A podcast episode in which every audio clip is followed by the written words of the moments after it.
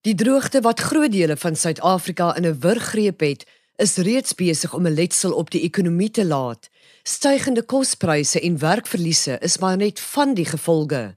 Hoewel dit nie net die Wes-Kaap is wat geraak word nie, sal 'n voortsleepende droogte in die provinsie uiteindelik ook 'n beduidende impak op die nasionale ekonomie hê.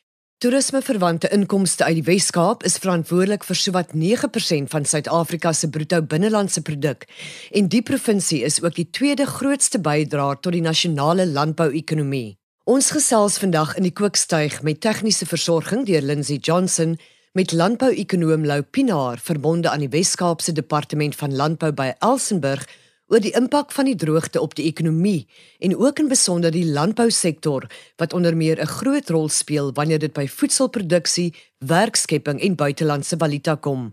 Baie welkom Lou. Lou, ons beleef nou al vir 3 jaar 'n droogte in Suid-Afrika. Wat was die uitwerking tot dusver op die nasionale ekonomie? Ja, ons sit op die oomblik met weeromstandighede wat vir al die landbousektor baie ernstig nadelig beïnvloed. En ons sien die droogte eintlik al in 2015-16 seisoen Suid-Afrika baie nadelig beïnvloed. Want as jy gaan kyk na die jaarlikse gemiddelde reënval wat ons gekry het in daai jaar, ehm um, was dit een van die laagste wat nog ooit ehm um, vasgelê is volgens die inligting wat ons het. En dit strek terug tot 1904. So as 'n mens terugdink aan die verlede waar mens groot droogtes gehad het wat uh, die luisteraars van sal onthou, was 'n groot droogte in 1992 geweest. En as jy kyk na die gemiddelde reënval vir daai jaar vir 2015 was dit selfs laer gewees as die droogte in 1992. En wat ons gesien het van die droogte dan nou in die 2015-16 jaar was groot dele van ons somer uh, saai gebiede was baie negatief beïnvloed met uh, die droëland produksie wat daar plaasvind. En wat ons daar gesien het in 2015 het ons somergewasse en die opbrengs van ons mielies mielieoes gedaal vanaf 14 miljoen ton in 2014 tot omtrent gehalveer na 7.7 miljoen in 'n spasie van 2 jaar. Nou wat dit beteken is dat ons toe gegaan het waar ons gewoonlike land is wat 'n netto uitvoerder is van mielies, moes ons ewe skielik invoer want ons nie 'n surplus meer produseer nie. En dit het 'n groot impak gehad veral op die mielie pryse, maar veral die mieliemeelpryse van voedsel. En ons sien dan in 'n spasie van jare het pryse opgegaan na 36-37% en toe nou ook heelwat later toe nou die vleispryse wat ons nou heidaglik sien is 'n direkte gevolg van die droogte wat ons in 2015 gesien het. So dit het 'n massiewe impak op miljoene verbruikers wat dan vleis en mieliemeel en ander produkte koop. So dit is 'n groot impak. Lou is daar in 'n droogte produkte wat meer geraak word as ander prysgewys. Ja, in 'n droogte wat ons eintlik ervaar, moet ons besef dat vir sekere areas binne die provinsie word verskillend geraak deur die droogte.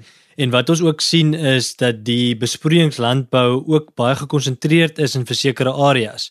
So natuurlik as 'n area soos byvoorbeeld die Weskus nou wat baie erg geraak is met die droogte maar ook die waterallokasie is daardie wynboere daar baie erg beïnvloed want hulle het net 15% van hulle watertoedeling gekry vir hierdie jaar. Maar wat ons ook sien in die Wes-Kaap is die grootste area geplant is onder wyndrywe, besproeide wyndrywe. So hierdie bedryf natuurlik die verliese wat daar gaan wees as gevolg van die droogte is is baie groter. Maar ons kan regtig sien in al die hoë vertakkings of die groot bedrywe in die Wes-Kaap, veral die vrugte, is almal negatief beïnvloed en die produksie het beduidend gedaal. Ekskuus, ek benou vir jou tong en ek kies vra beteken dit dat wyn duurder gaan word? En dit is natuurlik moeilik om te sê op die oomblik en ons sien dit hang natuurlik af van wat in die wêreldmark aangaan en ons sien al reeds daar's 'n redelike stygings in die pryse van wyndrywe teenoor verlede jaar, maar dis meestal gedryf oor wat in die wêreldmark aangaan, maar natuurlik met die tekort wat ons nou sien, sien ons daar sal definitief 'n 'n beduidende stygings wees in die pryse vir drywe en dan ook in die pryse vir wyn later, maar ook die droogte positiewe uitvloeisel van die droogte is ook dat die kwaliteit van die hoë waarde wyn is dan ook baie goed hierdie jaar en dit sal goed wees vir die wynbedryf. Jy praat van watertoewysing. Die landbousektor gebruik 2/3 van die water wat landwyd toegewys word, wat dit die enkele grootste watergebruiker maak. Hoe kan die sektor oorleef as ons in die knelgreep van 'n droogte bly? Uh, Lisma, ons moet onthou dat daar 'n groot kompetisie val in die Wes-Kaap tussen landbougebruik, die water vir landbougebruik en dan stedelike gebruik. Uh, maar daar's die tipe water wat ons van praat is verskillend en dis belangrik om te onthou. die waarde van die water wat ons in landbou gebruik is heelwat laer, die waarde daarvan, die prys daarvan teenoor huishoudelike gebruik want is die infrastruktuur wat ons benodig om die water tot in ons huise te kry kos baie geld en daarom ehm um, die die die kostes verbonde aan die diens wat gelewer word om die water in die huis te kry maak dat huishoudelike water baie duurder is.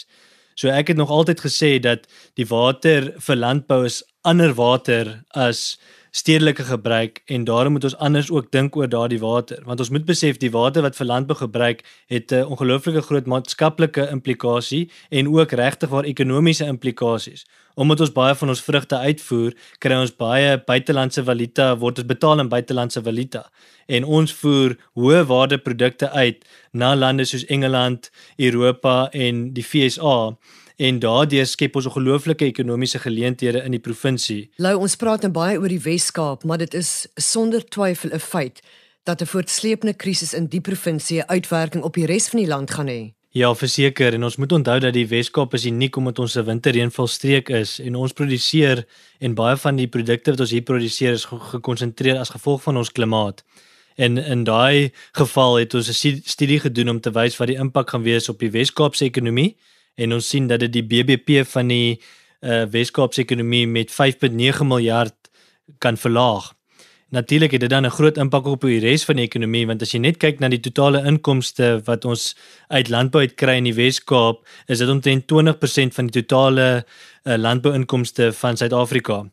En dit is hoofsaaklik omdat dit hoë waarde landbouproduksie is wat ons uitvoer. En so natuurlik sal ons sien die implikasie van die droogte wat ons hier het gaan ook die nasionale BBP dan negatief beïnvloed omdat dit so groot verlaging is. Klimatoloog sê dag 0 gaan definitief in 2019 vir die Wes-Kaap aanbreek gegee die reënvalsyfers vir April wat gewoonlik blykbaar 'n goeie aanduiding is. Ja, de, um, kyk ons praat vandag 0 al vir 'n lang tyd um, want ons verwys na die die Kaapstad se se waterverbruik vir stedelike gebruik, maar wat ons nie besef nie is landbou het al in Februarie hierdie jaar dag 0 bereik menende dat uit baie van ons hoë waterstelsels kan geen boere meer enige water besproeiingswater meer gebruik nie.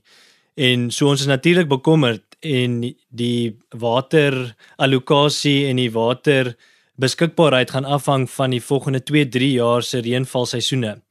En wat waar ek spesifiek bekommerd is is dat die huidige waterallokasie aan landbou kan tot 2, 3, 4 jaar selfs vat voordat dit weer op vlakke kan kom waar ons verwag dat die waterbeperkings op landbou verlig kan word.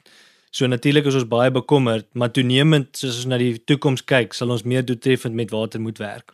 In die gesprekke wat ons al hier op die kookstuig gehad het, was daar mense wat vir ons gesê het die landbousektor sal oorleef. Boere is aanpasbaar. Stem jy daarmee saam?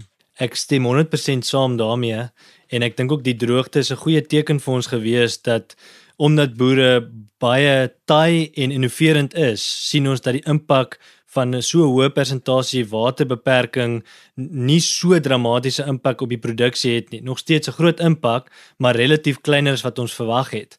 En dit is maar net 'n 'n teken dat die bedryf is besig om te innoveer, tegnologie te gebruik wat dan ook die waterdoeltreffendheid van die water baie opstoot maar uh, ou moet ook sê oor die algemeen kan ons nog baie verbeter. Uh ek dink in verskeie bedrywe kan ons uh, regtig waar nog groot hoeveelhede water spaar en 'n krisis soos wat ons nou het forceer beide stedelike gebruik maar ook landbougebruik om te innoveer, maar om te besef die kritiese belangrikheid van water as 'n inset. En vir landbou sien ons nou dat almal het 'n soort van 'n mind shift gemaak om te sê ehm um, water is nou 'n kritiese hulpbron. Dis nie meer net 'n hulpbron wat ons verwag daar gaan wees nie. En so ja, ek stem saam daarmee. Dit was landbou-ekonoom Lou Pinaar. Ons sit volgende week in die kookstuig die gesprek met Lou voort wanneer ons onder meer met hom gaan gesels oor die sosio-ekonomiese uitwerking van die droogte. Die program word ondersteun deur die Wes-Kaapse Departement van Landbou. Onthou, die aarde is kosbaar. Kom ons bewaar dit.